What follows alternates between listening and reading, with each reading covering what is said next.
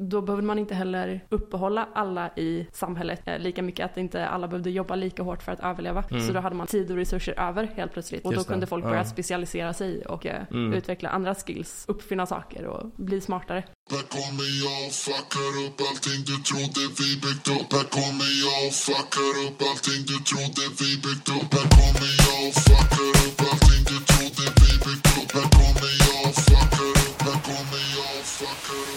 Hej och välkomna till ännu ett härligt avsnitt av podcasten Om och Men där vi reder ut det ni tycker är krångligt och krånglar till det ni trodde redan var utrett med mig Vincent Flink Gamlenäs. Och med mig Beatrice Erkers. Nu drar vi igång Yeah. eh, och eh, först och främst undrar jag vad har hänt sen sist Bea?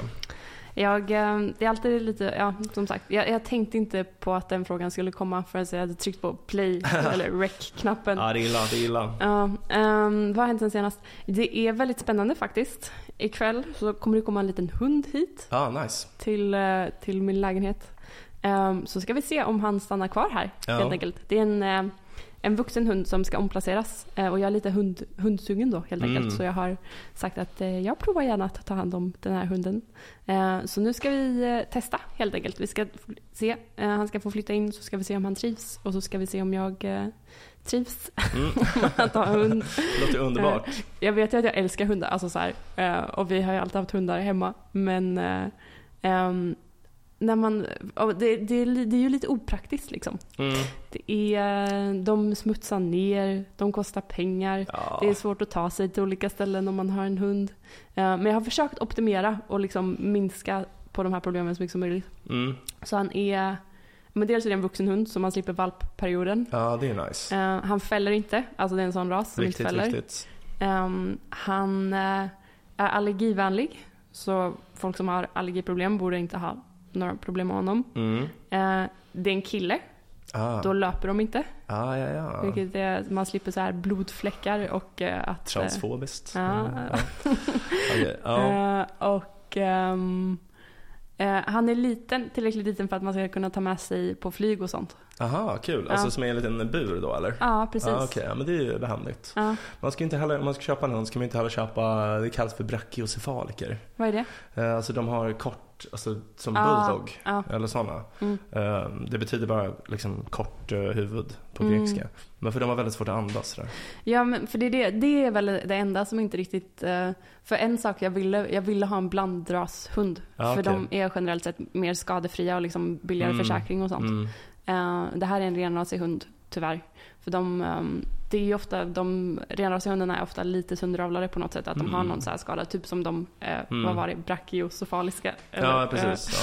Ja. eh, ehm, att eh, det är så här, försäkringen täcker inte ens sådana grejer. Mm. Ehm, eller så får man betala väldigt mycket extra. Ja, ja. Typ, eh, det är många, typ den här rasen tror jag har någon problem med typ armbågen, alltså så här, Mhm, eh, mm. benled-grej.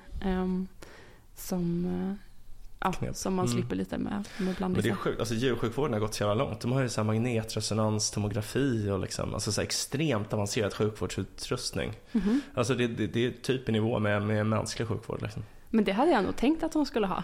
Jag, jag tycker det är sjukt, men det är för att jag har inga husdjur.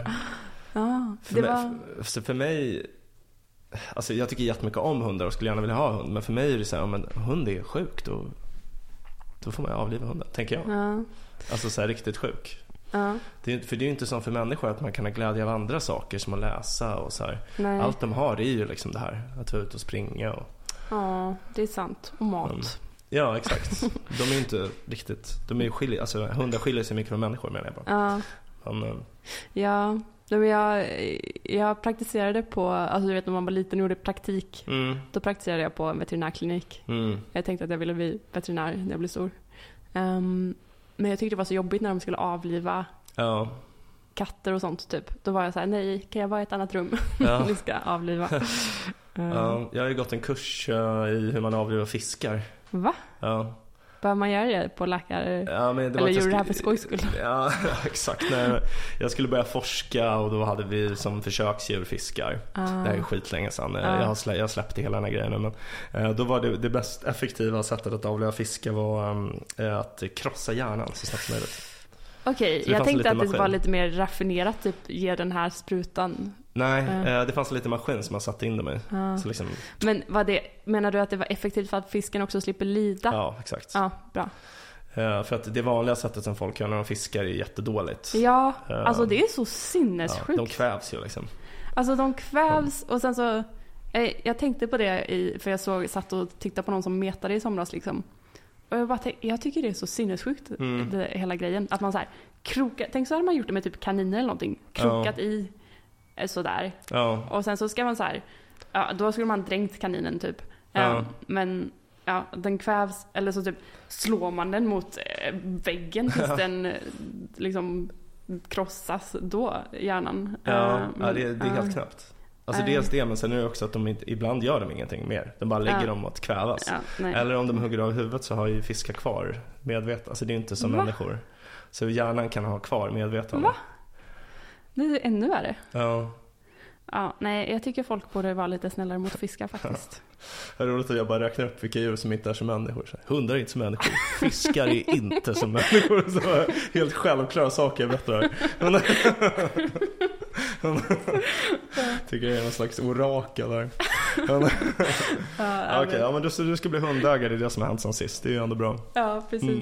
Mm. Eh, Så får vi se, jag ska uppdatera här då hur det går om eh, Dixie som han heter kommer stanna kvar. Ja. Om, han, om han eh, stannar kvar kommer jag vilja döpa om honom. Ja, För jag tycker inte om Dixie. Jag tänker på sydstaterna liksom. ja jag också. Ehm, men ja, eh, det, man, det är nog inte så snällt att döpa om en gammal hund liksom. Så, Eh, Nej. så jag, jag tänker han får heta Pixie eller Trixie då. Typ. Alltså så Ja. att det låter likt för honom. Väldigt uh, kvinnligt kodade Ja, namn. men så får det bli. Ja, ja det, det är bra. Eh, ja, Du, det var hade- du som beskyllde mig för att vara, var det transfobiskt? nu? Ja exakt, jag bara konstaterar faktum här. Ja. Eh, Ja, nej men uh, rimligt kanske inte vill ha en hund som heter Dixie. Jag tycker det var ganska gulligt för sig. Men ja, nej men jag förstår vad du menar. Ja. Ja men nice. ja. ehm, och du då? Vad har hänt sen senast? Eh, ja alltså precis, vi har ju, vårt förra avsnitt var ju mycket vad som har hänt sen senast. Ja. Men, men det som har hänt Alltså precis häromdagen var att det har kommit en ny låt som lades ut på Youtube. Ja. Jag ska försöka bara hitta vad den heter. Eh, Det är liksom en countrylåt. eh, Som heter Rich Man North of Richmond. Ja. eh, Som är så jävla bra. Och den, den, den är gjord av en man som heter Oliver Anthony. Och när den lades upp på, på Youtube så var liksom, han var helt okänd. Han hade typ så här, kanske 10 000 views eller något. Men nu har den 30 miljoner views. Oj, Helt sinnessjukt. Alltså på en dryg vecka. Men du skickade den, den var på Spotify? Eller Ja, skickade finns på den- Spotify ja, också. Ja. eh, sen några dagar. Ja. Men eh, i vilket fall så, jag tycker den är skitbra. Och eh, alltså det är verkligen min typ av musik. Men eh, grejen är att han är, alltså han är så en himla hjälte liksom. För att den handlar mycket om typ hur, eh, ja men alltså det, de är så här, alltså det är amerikaner som är missnöjda med hur USA har utvecklats typ. Ja. Alltså han bor liksom ute i bushen, eh, någonstans i Virginia. Ehm, och ehm, Alltså de har höga skatter tycker han och han skulle se hur det är i Sverige men de har höga skatter jämfört med hur de hade för, förr i tiden i USA. Och eh, ja, men de får liksom ingen hjälp av staten och han liksom pratar om att det är bara the rich men north of Richmond, alltså politikerna Mm. som eh, vill ta våra pengar typ och inte göra någon skillnad. Så det är typ så här libertariansk country och det har blivit skitstort liksom. Eh, Och jag tyckte den här låten var så jävla bra. Så jag skickade den till typ alla jag känner på, eh, Spotify, eller på eh, Messenger. Ja. Alltså jag skickade den till säkert 30 olika personer. alltså minst. Eh, och jag, skulle, eh, jag skickade lite olika meddelanden till olika personer så här. Eh, så liksom customisa. Eh, men då, då, bland annat skickade jag texten Libertariansk country! Utropstecken. Jag skulle skicka till min fru. Eh, Men eh, det kom fel. Det kom till en tjej i min grundskoleklass som jag inte har träffat på så här, kanske ett 14 Nej. år. Så här, typ. Eh, liksom, och jag menar, vi, alltså, vi var vänner. Eller så här, jag, jag, tyckte åtminstone väldigt mycket om henne, kommer jag ihåg. Så. Men vi var inte nära vänner riktigt heller. Alltså, vi var inte så, här, liksom, så, här, så nära. Typ. Mm. Eh, Så att vi var inte egentligen tillräckligt nära då för att jag skulle kunna höra av mig spontant 14 år senare och bara skriva libertariansk här. Men det roliga var att hon var den enda av alla jag skickade till som kände igen låten. Oj! Inte det sjukt roligt? Jo. Ehm, för att alla var så här, ja, de flesta svarar ju inte, för så är det ju liksom. Aha. Eh, man orkar inte följa alla länkar. Nej. Men de som svarade var alla så här, bara, ja men det var, det var helt okej typ. Ja. Ehm, inte hört innan. Men hon var bara, nej så jag, så här, ja, jag, visste, vilk, jag, jag visste exakt vilken det skulle vara bara på din beskrivning när jag klickade så här. Eh, och det kändes ändå bra typ för att jag alltså av att få den här uh, suggestionen på YouTube och Spotify, eller framförallt YouTube, så tänkte jag så här, jag började ifrågasätta min filterbubbla. Mm. Så här, vad är det för typ, vad är det för galningar som jag följer på, på YouTube som gör att jag får den här suggestionen? Men det känns Mm. ändå bra att hon, åtminstone en person, hade hört talas om det innan. Mm. Ja. Va, ehm, eh, ja, nej, men det var ju väldigt bra. Jag, eh, jag har lyssnat på den en gång, jag får lyssna på den igen. Ja. Kanske, kanske ser den på YouTube. Är han live där liksom, så man ser honom? Alltså det finns bara en inspelning. Okej. Det, aha. den, det, är- det är liksom live. ja. Um, såg väldigt intensiv ut på, på Ja. bilden eh, som du skickade. Eh, eller som var i, på Spotify-låten. alltså han ser verkligen ut som en så här Trumpist. Alltså Ja. stort Eh, rött skägg. En gubbe. lite tjock. Eh, ja, Jag tror han är typ yngre än vad vi är. Ja, oj. Ja. Uh, han ser bara så jävla härjad ut typ. Men på tal om att vi har blivit gamla. Alltså jag Ja. var på en fest i somras Mm. eh, när jag var hemma i, eh, på västkusten. Mm. Och jag träffade så här folk. Jag, jag träffade en som jag gick i högstadiet med. Och då har jag inte träffat henne på 15 år. Nej. Alltså fatta att man är gammal då typ. Ja. Alltså, det var också så sjukt för hon såg typ exakt likadan ut. Ja. Eh, och var liksom samma person typ. Fast nu hade hon barn och man. Ja. Och bodde i ett villaområde typ. Ja, wow. Så det var så konstigt bara. Det kändes absurt. Ja, alltså det är så lite läskigt typ att man kan, man kan träffa så människor som gick i ens klass och de typ är, har tre kids och är liksom tjocka och långtidssjukskrivna typ. Man bara herregud, fan, hur kunde tiden gå så fort liksom? Ja, nej, så gick det inte för, för mina kompisar Nej, nej, nej. i Nej, alla fall. nej kanske inte just henne då, men det finns säkert någon. Alltså, ja, så här, jo, det, det. vissa med, alltså, Men är vissa med, är ju döda. Ja, det för jo, jo, i och för sig. Ja. Några har dött, men inte, alltså, ja, det är inte, inte några nära som jag Ja, känner. några som har liksom Ja, gått bort. det måste ju vara självmord. Ja. Ja. Tragiskt. Ja.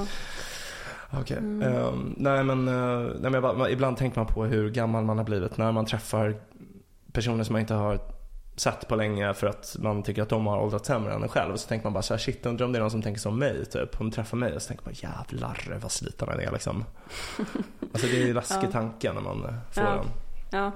Jag tror, jag, jag är glad. Jag tror att jag har gått i en positive trajectory om du förstår. Mm. Jag tror jag ser fräschare nu, Mm. ut nu än vad jag gjorde förr. För 15 år sedan.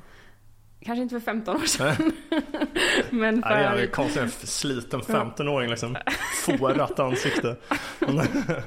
eh, om man inte räknar rynkor. Men Nej. bara generellt sett. Alltså så här, nu när man har lite mer pengar och kan ta hand om sig lite mer. Så, alltså sådana grejer tänker jag. Ja. Eh, ja. Jo, nej men eh, det kanske man gör. Jag vet inte riktigt. Jag eh, använder inte mina pengar för att ta hand om mig själv riktigt. Nej, vad... Det känns inte som att killar gör riktigt. Eller? Nej, inte på samma sätt. Kanske. Alltså, jag vet inte om, om du så går på ansiktsbehandlingar och sånt. Nej, det känns som... Eller jag har gjort det någon gång. Men det känns Mm. som next level liksom. Ja. Då ska man ha mycket disposable income. Ja. Eh, och inte vara en EA-människa kanske. Nej, nej, sant. så här bara, eh, what could have, vad, vad skulle jag kunnat göra med de här pengarna? typ. Nej, men det är ju Ja. det är kanske din nya rörelse, effektiv eh, esteticism, som Just det, just det. eh, den nietzscheanska rörelsen. Ja, precis. Det Ja, är det, de som förordar facials. Det, det är min rörelse ja. Mm. Det, kanske den jag ska starta. Ja. Ja, nej, men så det var väl lite recap då. ja, gud, nu tog det, nu har vi um, redan dragit ut lite på tiden. Vi kanske Ja. får göra två Ska vi kalla det ett avsnitt? Nej, jag skojar. ja, vi kanske ska gå in på, på, dag, på dagens ämne här. Eh, Vi har ju läst en eh, liten boklig bok här. eh, En ganska stor boklig Ja, bok. en jättelik eh, bokjävel. Ja. Um, Guns, Germs and Steel av Jerry Diamond. Mm. Uh, toppenbok. Kommer du ihåg undertiteln? Var det typ såhär Why Civilizations? Uh, it. ja, A Short History of Everybody for the last 13,000 years. där ser ni varför det är en stor bok, Mm. tänker jag. Ja. The Fates of Human Societies. Mm. Ja, jag är lite osäker. Vi nämnde den lite i förbifarten i, i förra avsnittet. Ehm, och det, är liksom, den, den, det känns som att den var ganska revolutionerande när den Mm. kom.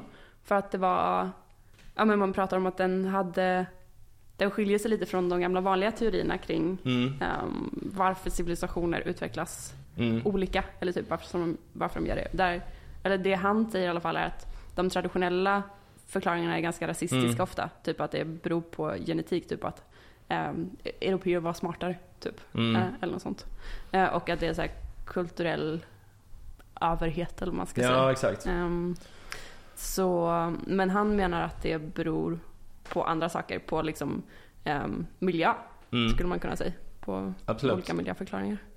Ehm, ja, så det utvecklar han eh, i några kapitel. Ja, precis. Jag tänker man kan eh, berätta lite bara om honom. Typ. Eh, Ja. Han, eh, Jerry Diamond då är, alltså han är ursprungligen eh, eh, ornitolo- eller geo- geograf egentligen tror jag. Han, alltså han är från början han på med geografi. Fågelskådare också väl? Ja, precis. Ornitolog. Mm. Eh, Men alltså han, han har också varit ornitolog professionellt. Mm.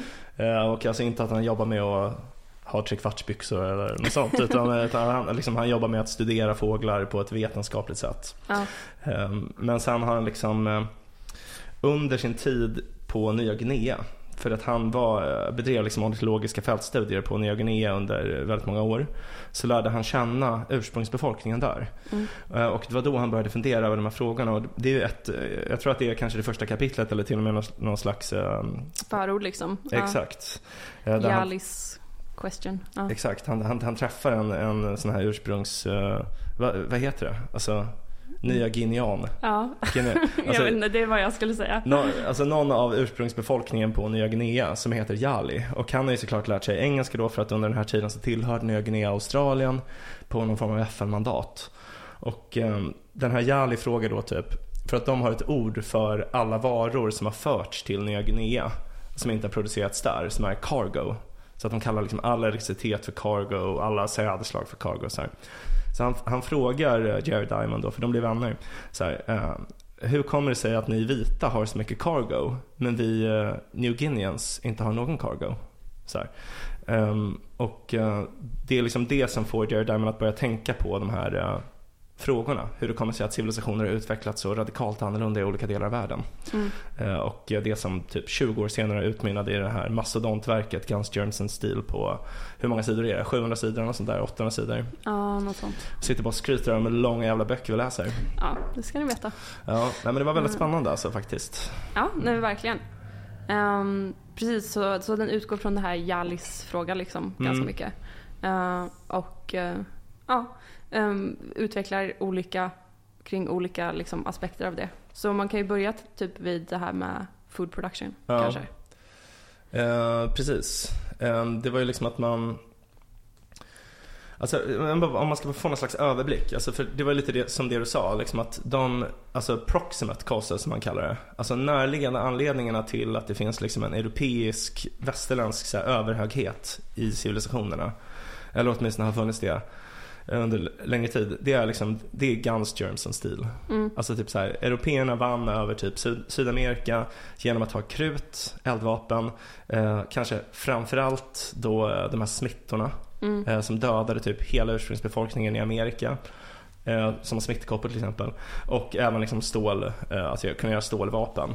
Men det, man borde inte liksom nöja sig med den förklaringen i Jerry Diamonds poäng. Mm. För, att det är ju egentligen bara att man flyttar ett steg längre. Så här, men hur kommer det sig då att Guns, Germs and Steel utvecklades i Europa Mm. och inte i Peru? Mm. Eh, och det är liksom att han försöker spåra de här anledningarna längre och längre tillbaks. Eh, och det sista han eh, kommer på det är liksom den evolutionära basisen, vad människorna hade att ut, utgå ifrån när de skulle bilda sina, sin civilisation. Mm. Alltså någonting jag tänkte på är ju liksom att det finns ju såklart anledningar längre tillbaka än så också. Det är bara att han väljer att se det här som, eller hur? Det måste han ju medge. Det måste ju finnas fysikaliska anledningar. Ja, säkert. Ehm, men han Mm. tänker liksom att det här är ultimate causes då typ. Ja.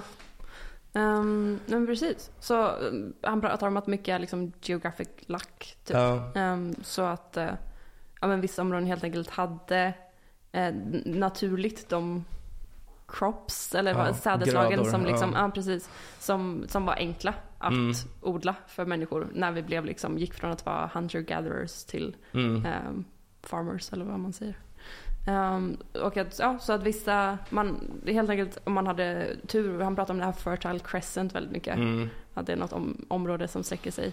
Eh, Syrien, Irak. Där. där är det liksom Mm. enkelt att Odla. odla.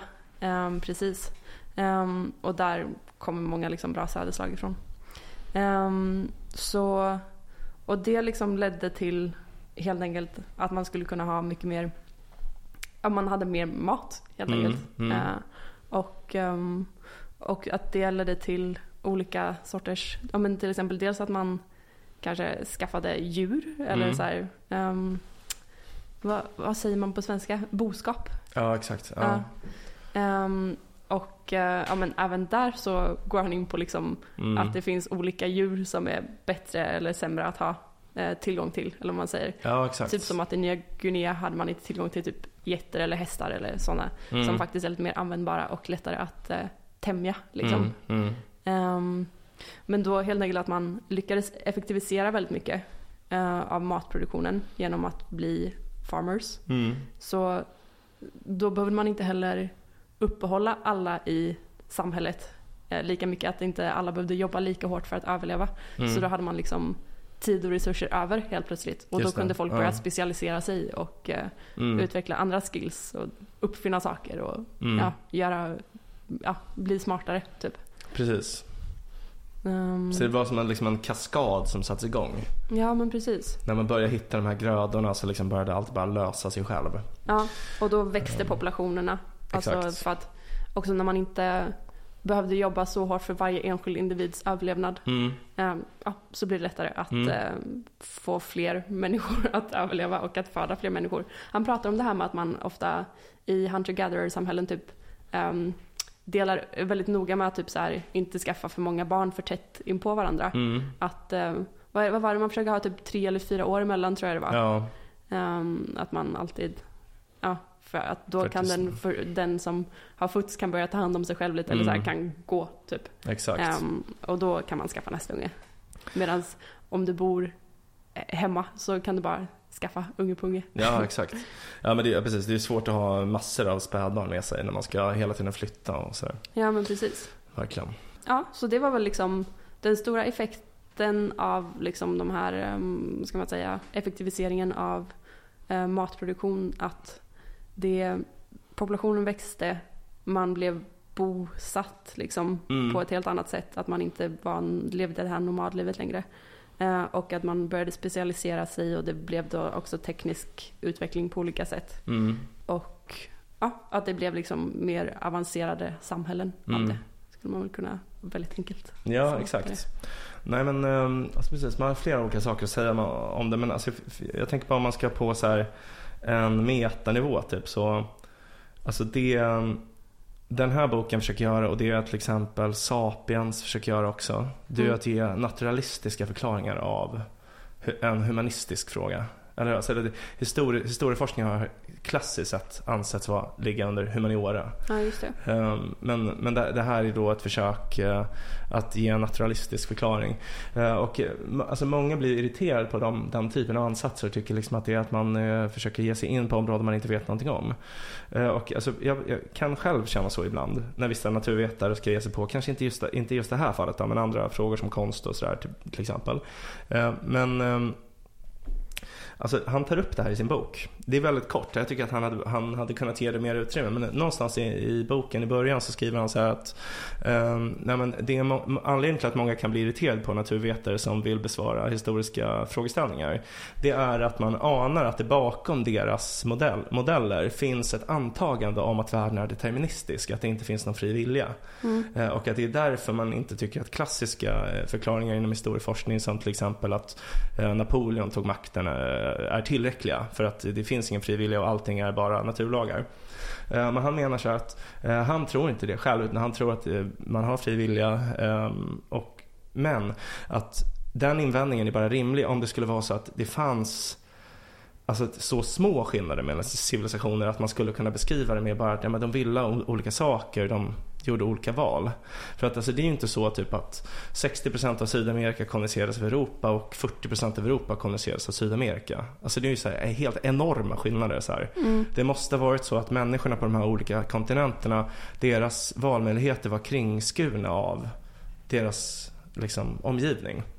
Eh, Så jag tyckte att det var väldigt bra att han liksom bemötte den kritiken i början. Det, det, det fick mig liksom att bli mycket mer positivt inställd till boken från början än vad jag trodde att jag skulle vara. Mm.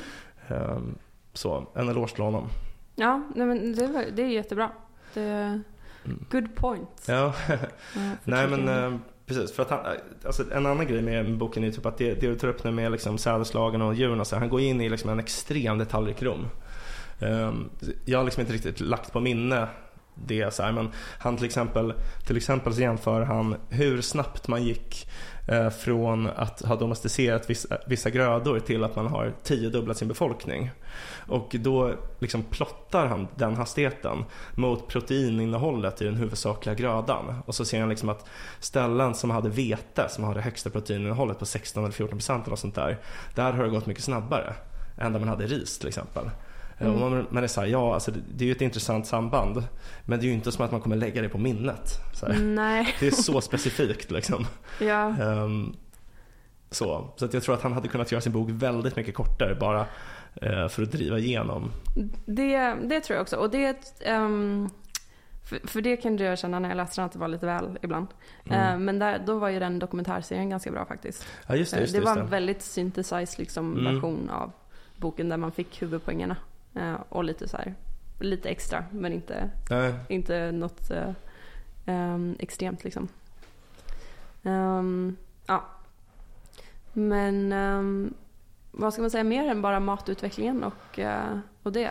Det är ja, men Mm. dels att det, det blev liksom som sagt mer komplexa Ja. samhällen just kan man det. väl säga. Mm. Ehm, och jag tror, han pratar väl om så här eh, emergence of leadership, att det är Mm. eh, att man, eh, det, det kommer ett helt annat behov av governance liksom och sådana Mm. grejer.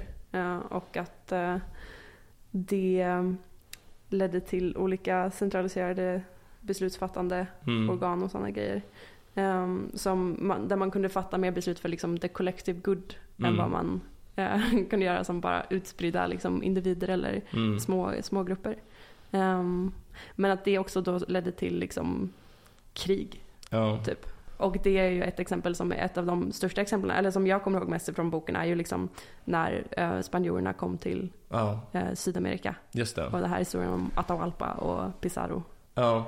ja, men hur var det nu då? Jag minns det inte riktigt exakt. Det var väldigt intressant. Jag hade inte fattat hur... f- för det var, ja men det- när spanjorerna kom till Sydamerika, eller just det här exemplet var i eh, Inka, bland Inka-indianerna. Och att det var då eh, spanjoren Pizarro som ledde en eh, armé av, liksom, Conquistadorer. precis. Mm. Ehm, och jag tror de var typ 200. Ja, något sånt. Några hundra. alltså det, var, ja. det var verkligen väldigt få. Men de hade hästar och liksom mer avancerade steel weapon liksom. Mm. ehm, som sagt. Och, så. Och det, det de mötte ehm, var, jag tror om det var 60 eller 80 000 Mm. i liksom Atahualpa, Atahualpas Mm. eh, armé. Och de vann. Ja, Eh, européerna. Exakt. Det, var så här bara what? Eh, det, var, det var mycket mer extremt än vad jag hade fattat liksom. Eh, men att det var sån, jag hade till exempel inte fattat vilken enorm fördel det är att ha häst mm. vid krigsföring. Mm. Eh, de hade ju liksom inga hästar där i Sydamerika. Ehm, och jag var väldigt så här förvirrad över varför, varför det skulle vara så bra. Men de var ju Ja. inte beredda. Jag tänker att de var väl, hade väl, deras vapen var väl så små stenyxor och sånt. Ja, men det, jag försökte mm, typ läsa på lite mer om det. eh, eller försöka liksom fatta varför det var så bra att ha häst. Men dels var det ju att det liksom, man kan röra sig mycket fortare och Mm. liksom att eh, det var ehm, man är liksom st- större Mm. typ. Och att det... Chockmomentet Ja också. precis, alltså. att det, när, när de aldrig har sett Nej, eh, en de häst trodde ju att det var samma person. ah, Att det var en person. Ah, Hästen och ryttaren liksom. ah, Att det var någon form av Monster. gudar. Ja men alltså det tänk dig själv. kentaur. Ja. Ja, men du bor ute i eh, liksom, Cloud Forest i Anderna. Så helt plötsligt så kommer det liksom en Alltså någonting med fyra ben, två huvuden, något i metall och som bara dundrar av eld typ. Alltså Ja. det är så obehagligt man kan tänka sig liksom. Ja, men det är Ja. väldigt annorlunda från liksom deras alpackor eller lamor som de... Ja. Eh, det var de boskap som de hade där liksom. Jo exakt. Ehm, jag, var, jag var hemma hos eh, min pappa i somras och han har ju eh, fyra alpackor. Mm. Och det, det lärde jag mig, alltså på tal om att eh, hästar känns lite mäktigare än alpackor. Ja. Ja. Alpackor är passgångare. Ah. Så de så här går Aha. en sida i taget. Det är därför det ser så himla roligt ut när de går också. Ja, det är därför de ser så himla dumma ut. Ja. Ja, okej. de, de ser ut som bebisar tycker jag. Ja, för hä- hästar ser inte dumma ut när de rör sig. Nej. Eh, men eh, alpackor ser ju jätte, jättelustiga ut. Ja, fan vad, ja jag kan tänka mig. Ja. Nej men, eh, ja, men det, det var väldigt bra, den delen. Alltså, visst var det att de, de tillfångatog väl Atahualpa det första de gjorde? Ja. Ehm, Ja. Och tvingade honom att så här, befalla befolkningen att Ja. lyda dem. Så, exakt. Um, Atahualpa, var det anden alltså? Atahualpa? Vad hette han Ja. den här steken? Han hette något annat. Ehm, Ehm, för Pizarro hade ju en kusin som också var ledare för conquistadorerna. jaha. Hans kusin Cortés var han som erövrade. Är det, var det var Pizarros kusin Cortés? Ja, de var liksom nära vänner, släktingar. Oj, Um, vilken jävla... ondskefull familj. Ja, vilket, vilket legacy liksom. Den värsta familjen i världshistorien. Ja, Ja, just därför att en, eh, ja, men eh, en komponent då såklart är ju germs. ja. Och det pratar man också om att ehm, ja, men, eh, de här civilisationerna som lyckades få surplus av Mm. det de odlade och så och började ha boskap och sådana grejer. Mm, Det fanns ju många fördelar med boskap. Ehm, dels att man kunde mjölka, man kunde äta köttet och ja. man kunde använda dem som alltså, dragdjur, alltså Mm. typ hästar och sådär. Ehm, men man fick också zoonotiska sjukdomar, liksom, att man Ja. blev smittad Mm, av djuren. Ehm, men då byggde man ju också upp ett immunförsvar mm. som inte de som inte hade boskap eh, hade något immunförsvar för. Och det är väl en av de grejerna som eh, var liksom så himla ödesdiger för sydamerikanerna. Ja exakt, alltså för att det, det är typ man Alltså det man kan säga är liksom att man utvecklar ju, alltså så här, zoonoserna utvecklar ju sig de, de evolverar ju precis som vi gör Så att säga, vi evolverar fram ett annat immunförsvar De som har dåliga gener för att stå emot sjukdomar som är vanliga, de dör eh, så att liksom när det kommer en ny sjukdom så blir den i början väldigt farlig, sen blir den mindre och mindre farlig. Dels för att sjukdomen i sig blir mindre farlig men också för att populationen blir mer resistent. Eh, Alltså det är inte bara individuella immunförsvaret som blir bättre utan det är liksom att du selekterar fram nya människor som har Mm. bättre genetiska förutsättningar Mm. för. Eh, Men de, den här processen hade ju aldrig skett i Sydamerika så de hade ju inget skydd. Eh, Så att för dem så var de här patogenerna mycket farligare liksom. Mm. Det, det är väldigt intressant. Alltså det var ju extremt många fler som dog i sjukdomar än krig. Ja, Alltså det är en helt bisarr skillnad. Jag minns, jag minns inte vad det var. ja. Men det, jag, jag tror att det var typ så här 90% dog i sjukdomar och, och typ 10 blev dödade. Och ja. sånt. Alltså det, mm, ja, nej. Alltså det, tänk så jävla sjukt om det bara, det skulle ju Mm. verkligen vara som att det kommer aliens till Ja. oss nu. Ja, verkligen. Verkligen. Eh, Ja, de ja. var, de var, ju otroligt mycket mer mäktiga liksom. Ja, Um, som jag förstod också så liksom Atahualpa, de, de kom inte ens med vapen till mm, eh, striden för de eh, hade förstått det som, eller de trodde att Gud mm, eh, som var solen liksom mm. hade bestämt att de skulle vinna. Ja. Så, eh, ja, det är en, en annan, ehm, Galet. Har du sett eh, Disney-filmen eller den här Eldorado? nej. Nej, jag älskar den när jag var liten. Men den är ju precis det att de tror Aha. Det är en scen att eh, det kommer en conquistador. Uh, det här är- det utspelar sig i aztekernas uh, värld Mhm. liksom. Mm. Och en av de här överste prästerna ser conquistadoren. Och sen så här, får ser man i hans huvud så här, hur han ser liksom någon så inskription på en gud. Typ. Sen bara, gud det är samma person, tänker jag. Hmm. Det var ett bra scen. Men eh, det är, ehm, och det är, den heter Eldorado-filmen, det är inte den här som är Kejsarens nya kläder och det där? Nej, eh, det är en annan. Ja, eller Kejsarens nya stil heter Nya det. stil, ja. exakt. Det. Emperor's New Groove. Ja. Ja, nej men eh, det var jävligt ehm, bra beskrivet. Alltså jag tänker också typ att en grej som jag tyckte var väldigt intressant i den boken det var när han går igenom boskapen just. Mm. För att han går igenom, alltså för att jag har alltid tänkt, det har varit lite så här typ en käpphäst, no pun intended. Men eh, alltså varför man inte rider på fler djur. Mm. Varför rider man bara på hästar Det- och åsnor och Det så känns som att det är många som frågar sig liksom. Ja, det är så konstigt. Så här. Varför, inte, varför rider man inte på typ vildsvin och så här, typ. alltså, det, är, det är typ vissa fantasy, jag tror att det är typ Warhammer eller något, så rider typ dvärgar på vildsvin tror jag. Ja. Eh, och så. Så varför är det inte så på riktigt? Mm. Så jag grävde lite i det här. Och så kollade jag upp att man under någon kung, inte om det var Karl XII eller någon, någon svensk kung, när vi låg i krig med Ryssland. Har jag berättat, kanske berättat det här innan? Nej, men jag tror jag, jag känner igen storyn. Ja, ja men det är kanske någon som lyssnar som inte vet det. Ja, Det var liksom att man, man skulle göra ett elitregemente av kavalleri som skulle rida på vad heter det? Älgar? Älgar, exakt. Så här stora, liksom, vad säger man, sjutaggare, säger man så? Sådana feta horn liksom. Ja. Um, Tolvtaggare? Tolvtaggare, Kör ja, jag men jag tror det var sju. Nej jag skojar. Okej, Men, ja, ja. jag tolv. Det var säkert tolvtaggare. Nej, nej, jag vet inte vad det heter. Men mm. maximalt antal taggar. Ja. Eh, och de skulle rida på de här. För de, de alltså, men om, om man har sett en, en älg, de är ju helt jävla enorma. Mm. Det är ju obehagligt att se dem liksom. Men eh, det gick inte. För de har, de har för smala ben. Mm. Och dessutom är de väldigt svåra att tämja. Ja. För det var det han pratade om, vilket det tyckte jag var jätteintressant. Han hade liksom en lista på tio olika arter Mm. som var liksom, eh, de här djuren är de som är Mm. lätta att hantera. Typ. Mm. Ehm, så då, då var det liksom, ehm, ja men häst till exempel, Mm. eh, get, ko. Ja, Jag tror lama var där uppe. gris. Gris. Ja, lama. Ja. Alltså, men det var intressant för att han hade ju massor av olika ehm, alltså, parametrar. Och det, det, de, de behövde vara liksom helt fine-tuned för att det skulle vara en match. Så det var till exempel så här att nej men, de måste vara flockdjur. Så här, för att flockdjur har evolverat liksom möjligheter att bli domesticerade. Mm. För att det människorna gör är att de bara träder in i alfapositionen. Mm. Så hundar till exempel, som tidigare varit vargar, Mm. de betraktar ju bara människor som alfahanen eller Mm. alfavargen. Liksom. Mm. Ehm, och, så det måste det vara. Ehm, men det måste också till exempel ha korta generationslängder Mm. för att det ska vara värt det. Just det. Så att, jag kommer ihåg att han skrev om elefanter, Mm. att allting stämmer överens på dem. Men de har så extremt långa generationer. Mm. Så att det är ingen som har tyckt att det är värt att domesticera dem. Nej. Så alla eh, elefanter är födda vilda. Ja.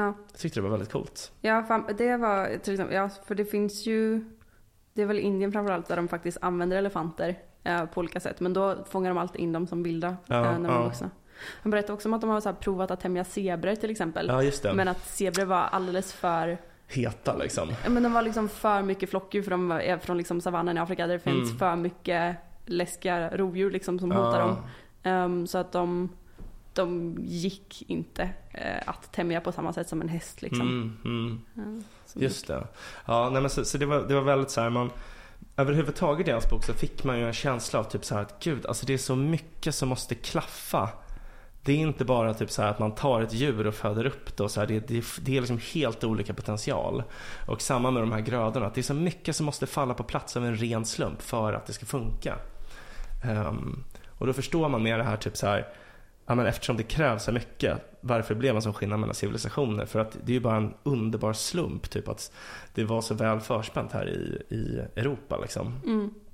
Och eh, ja, men kanske framförallt alltså Nordafrika och liksom Medelhavsområdet som väl är civilisationens vagga mer än, än Sverige i varje fall. Liksom. Mm. Eh, Ja, väldigt coolt. Men verkligen. Ja, men eh, har du någon favoritdel eller? Um, alltså egentligen var nog min favoritdel det där med djuren. Mm. Eh, det tyckte jag var väldigt lustigt. För att det är sådana saker som man, du vet, frågor man bara ställt sig typ. Alltså så här, varför rider man inte på zebror? Ja, Typ. exakt. Det, det känns som en sån sak. Ehm, nej men så, så det tyckte jag var intressant. Ehm, men annars så tänker jag liksom själva, ja, det var väl framförallt bokens grova, alltså huvuddrag som jag tyckte var intressanta mer än alla små Mm. detaljer liksom. Mm. Ehm, och att hela grejen med att det blir en så här snowball-effekt av det. Alltså att det blir... ehm, det, men om man börjar liksom lyckas odla bättre. eh, man får en bättre liksom, eh, liksom settlement eller vad man ska säga. Ehm, man lyckas få de här specialiseringarna.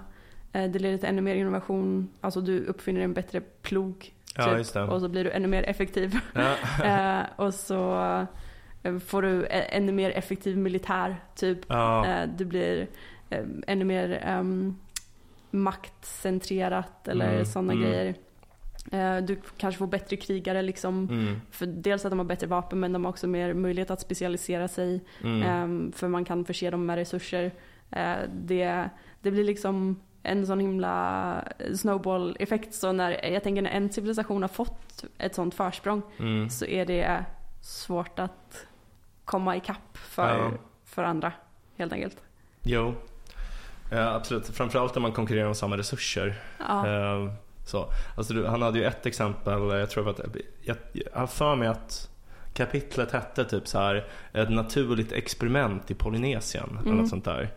Eh, som var så att Polynesien eh, är ju så här extremt alltså biologiskt diversifierat. Det finns massor av olika typer av biotoper i Polynesien. Eh, och, i, och de är också liksom så skilda från varandra eftersom det är öar. Mm. Och någon av de här stammarna, jag tror att den ena hette Mauri och den andra Mauriori. Jag vet inte vilken som var vilken. Men Mm. säg att den Mauri var de som liksom inte hade riktigt biologiska förutsättningar för att utveckla jordbruk. Så att de var i princip jägare och samlare. Och det här var någon gång i början på 1800-talet så eh, fanns det det här andra folket, de maoriori som bodde på en annan ö i närheten. Eh, och de, eh, de hade utvecklat jordbruk och de, alltså precis som du säger så hade det här givit upphov till liksom en kaskad av händelser. Alltså att de hade utvecklat ett samhälle med en stor ledare, en liksom, eh, vad heter det, en chieftain, alltså eh, vad fan säger man, hövding. Hövding. Ja. Exakt, en hövding som bodde i ett hus som var mycket större och mäktigare än de andra typ och gav de andra order och de hade liksom en egen religion och så här. Medan de andra jägarna och samlarna, det, det, det var mycket mer egalitärt så här. Och ehm, då, det blev krig mellan dem och naturligtvis så vann de här ehm, jordbrukssamhället, maoriorierna då. Och ehm, då kunde man se liksom att alltså bara några hundra år tidigare så hade de här varit samma folk typ. Så det hade gått ganska snabbt utvecklingen liksom. Mm. Så fort de blev bofasta och började bruka jorden så blev de liksom extremt mycket mäktigare på bara några hundra år. Mm. Eh, och eh, ja, sjukt nog så var de, de som vann det här kriget var också kannibaler så att de åt upp dem. Så jävla äckligt tycker jag. Jag, jag tror det kan ha varit att maori var jordbruksfolket. Ja, var tvärtom, okej. Maori, ja, Ja. ba- men annars var allt, ja. Eh, ja, nej, det är lite så. Men det är också intressant, eh, alltså lite, lite sådär med kannibalismen. Ja, där ja, jag- vi är emot ja. kannibalism. Ja, åtminstone jag. Jag, jag kan inte tala för dig. jag, jo, men jag, eh, jag sticker ut eh, tungan höll jag på att säga. Men Jag sticker ut tungan hos kannibalerna. eh, näsan, vad är det man säger? Det är inte hakan man sticker ut? Hakan, Ja, jag tror det. tack, tack. Eh, Men du kan sticka ut både tunga och näsa om du vill. jag har faktiskt en väldigt lång tunga. Okej. Om du vill, om du vill veta. Ja, jag har fått reda på. Ja, ja, men tack för Ehm, infon. Det, ja. Ehm, Vi kanske borde göra såna här man hugger av. Ja just det, splitta jag så man får Exakt, orm, eh, ormtunga. parcel, eh, parceltang. Ja. Exakt. Eh, jag fick reda på det när jag var utklädd till Gene Simmons en gång. Aha. Eh, alltså i Kiss. Ja. Ehm, och då räcker man ju ut tungan hela tiden. ja, Och då började alla kommentera, fan vad lång tunga du har. Och sen så kom jag då jag gick liksom i högstadiet. Mm. eh, och så liksom var det att jag typ gick i matsalen och folk bara, kan du, jag har hört att du har en väldigt lång tunga. kan du visa mig din tunga? ja, roligt. Fick du så smeknamn efter också? Typ. Eh, nej, det som inte tur var inte. Tungan, ja, nej. Långtungan. Uh, Ja, jag undrar kul. vad det har för evolutionära fördelar. Ja, verkligen. ja, Fånga flugor. n- nu tappade jag tråden Mm. lite här. Men, ehm, Nej men Jo, alltså det här kriget i Polynesien. ja, ja, nej men just det. Eh, nej men jag tänker mer på just skillnaden i utvecklingen mellan de Mm. öarna. Och det är intressant nu när vi lever i en annan, eh, annan värld med handel, frihandel Mm. och sådana grejer. Och att utvecklingen i olika länder sker så extremt snabbt nu. Om, Ja. man, om man ser liksom och jämför med hur lång tid det har tagit för vissa saker att ske typ här i Sverige versus hur snabbt det går i Indien nu eller något. Ja, exakt. Nej men alltså det är ju det som har hänt historiskt också, bara att det har gått mycket långsammare. Att typ, alltså I Skandinavien upptäcktes ju inte jordbruk. Vi fick ju den teknologin från människor som kom hit. Ja, just det. Ehm, så det är ju egentligen samma sak som händer nu. Liksom att, alltså jag menar industriella revolutionen, alltså den har inte börjat, det var inte som att den inte började i Pakistan, alltså bara senare, utan det är ju att de har fått teknologi från väst. Typ. Ja, precis. Det pratar Mm. han ju om att det, jordbruk dök upp liksom eh, enskilt på olika Jo. ställen. Alltså så att det, det var inte bara en population som kom på Mm. det och sen spred det till alla andra. Eh, men att det var några ställen där det dök upp. Men för, ja, som De sagt, flesta på de ändå, flesta liksom. så är det att det Ja. har dykt upp och så har man spridit det till sina grannar och så Mm. har det spridits vidare liksom. Ehm, Men det är ju ändå ganska coolt, alltså för det bara faktumet att det, det uppstod på flera olika ställen. Alltså för, för det första så tror jag att det beror på att det inte fanns effektiv kommunikation. Om det hade funnits effektiv kommunikation hade det ju bara uppstått på ett ställe ju. ja, Men det är ju ganska coolt för att det betyder ju någonstans att om vi inte hade haft ett globalt samhälle med god kommunikation så hade man förr eller senare kanske kunnat industrialisera överallt. ja, Det är ju, eller hur? Det, eller, det talar ju åtminstone för det. ja, jo. Um, jag, jag tyckte det var också lite kul med de olika sädeslagen. Nu, jag kommer inte ihåg vad alla, Mm. alla heter. Um, men um, dels att så här, det, det som var typ det mest vanliga i världen är något jag aldrig har hört talas om. Var det jams? Nej. Nej. Um, Uh, durra?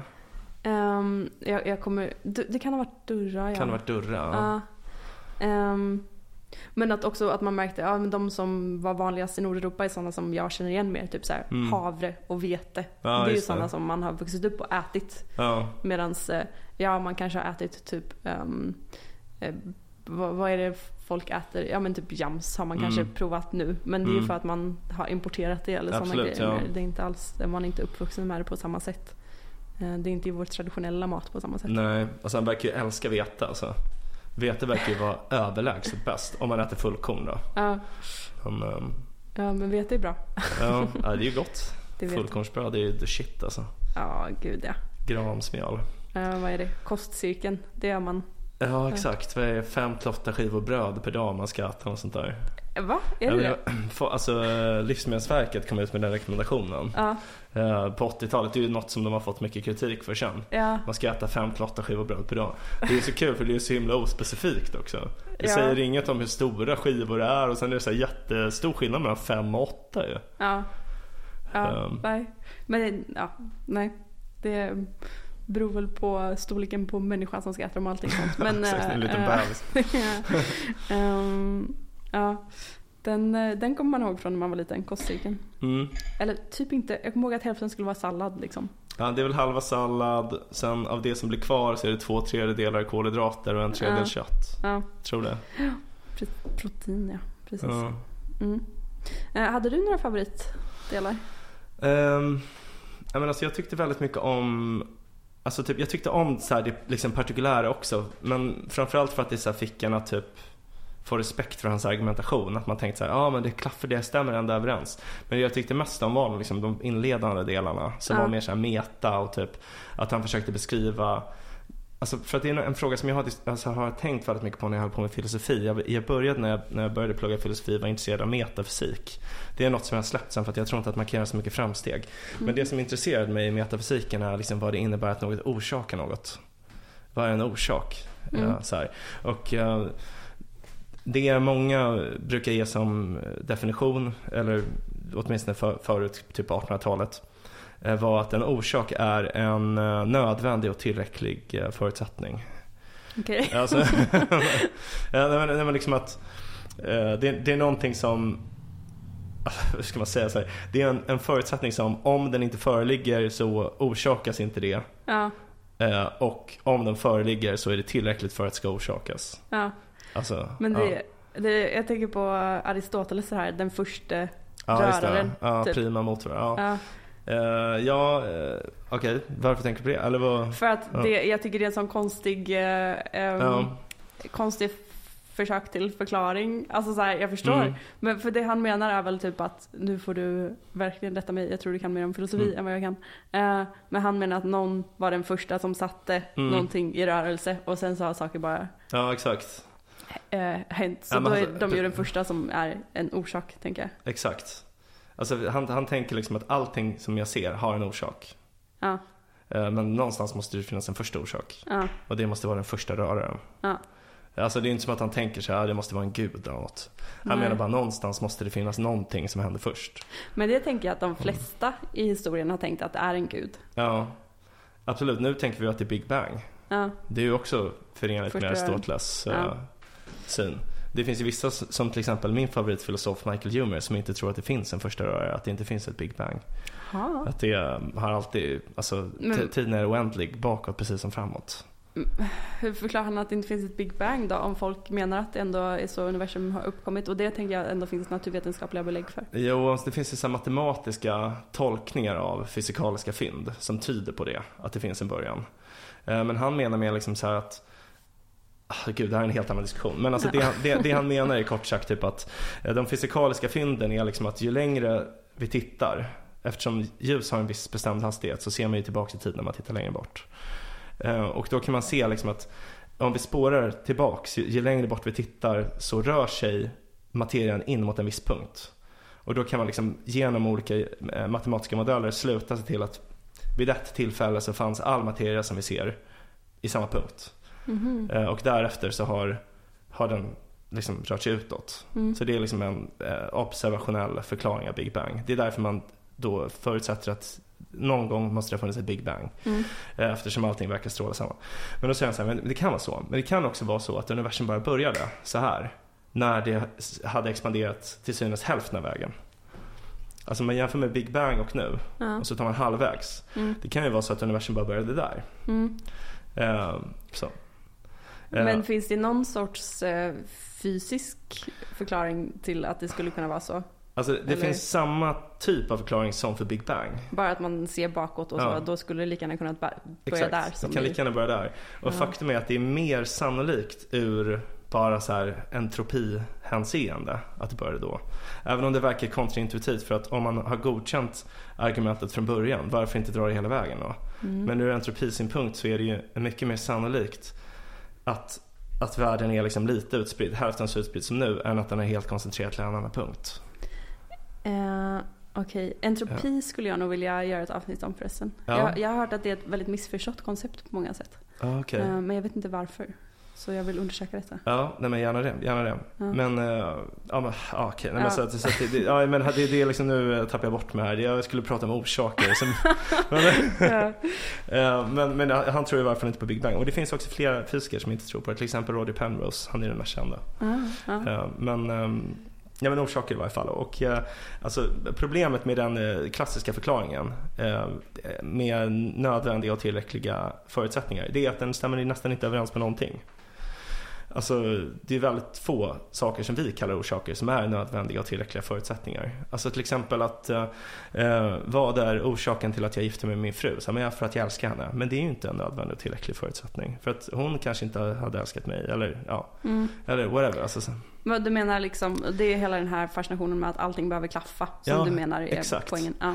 Eh, och och han, han delar in olika orsaker. Det är det jag tycker är intressant. Mm. För att vanligtvis när någon frågar typ så här, varför händer det här? Så ger man bara en typ av förklaring. Och man reflekterar inte i vilket hänseende det man svarar är en förklaring. Men han har liksom reflekterat över vilken typ av förklaring är det här? Står den i strid med den här typen av förklaring som fri vilja? Så man, nej men den står inte riktigt i strid med det. Alltså så här, ja men jag tyckte det var, det var väldigt så här filosofiskt raffinerat hur han behandlade det. Så det, den delen av boken var min favoritdel. Så. Ja, mm, nice. Ehm, Extremt lång utläggning för, för att säga min favoritdel av boken. Men, jag tyckte ja. det var väldigt intressant Mm. ändå. Eh, intressant utläggning. Eh, och att, ehm, ja det är väl ett bra ställe att börja runda av på kanske? Eh, ja, kanske. Eh, kanske det. Jag vill, jag vill bara tacka eh, Farshid Jallaland som tipsade oss om den här boken. Ja. Eh, väldigt bra tips och eh, jag tycker man förstod väldigt mycket av han. Han har också skrivit en väldigt bra bok där som heter Apan och filosofen. Som vi har haft ett avsnitt med honom om som jag kan tipsa om. Men jag tycker man förstod väldigt mycket av hans tankegångar av läsaren. Det var, de påminner lite- på något sätt lite av varandra. Mm, Eller hur? mm, jo, absolut. Ehm, Jag är jätteglad att jag läste den. Det känns som att jag har fått ett, eh, ett bättre helhetsperspektiv på historien. Och som jag inte alls, alltså så här, jag har läst Sapiens och typ alla Yuval Noah Hararis böcker men mm, jag kommer inte ihåg något. Eh, och den här kändes mer som att jag, jag vet inte, jag fick några, du vet några grejer som jag vet att jag kommer komma ihåg som kändes Mm. väldigt så här intressant och specifikt. jag håller med. Och jag tycker den här frågan är så, så sjukt intressant bara så här, varför, varför européerna typ? Eller varför, Verkligen. varför det här? Ja. Den var skitbra. Jag tycker Ja. också att den var bättre än Sapiens. Eller du kanske inte sa det, men jag tyckte i Ja, fall. ja. Nej men jag, jag tycker det också. Eh, Okej, ja men vi kanske ska nöja oss då. Ja. Eh, toppenbok. Verkligen. Yes, men med de orden då så får vi tacka för att ni har lyssnat på ännu ett härligt avsnitt av podcasten Om och Men där vi reder ut det ni tycker är krångligt och krånglar till det ni trodde redan var utrett. Nästa vecka kommer vi prata om någonting Helt sjukt. Här kommer jag och fuckar upp allting du trodde vi byggt upp. Här kommer jag och fuckar upp allting du trodde vi byggt upp. Här kommer jag och fuckar upp allting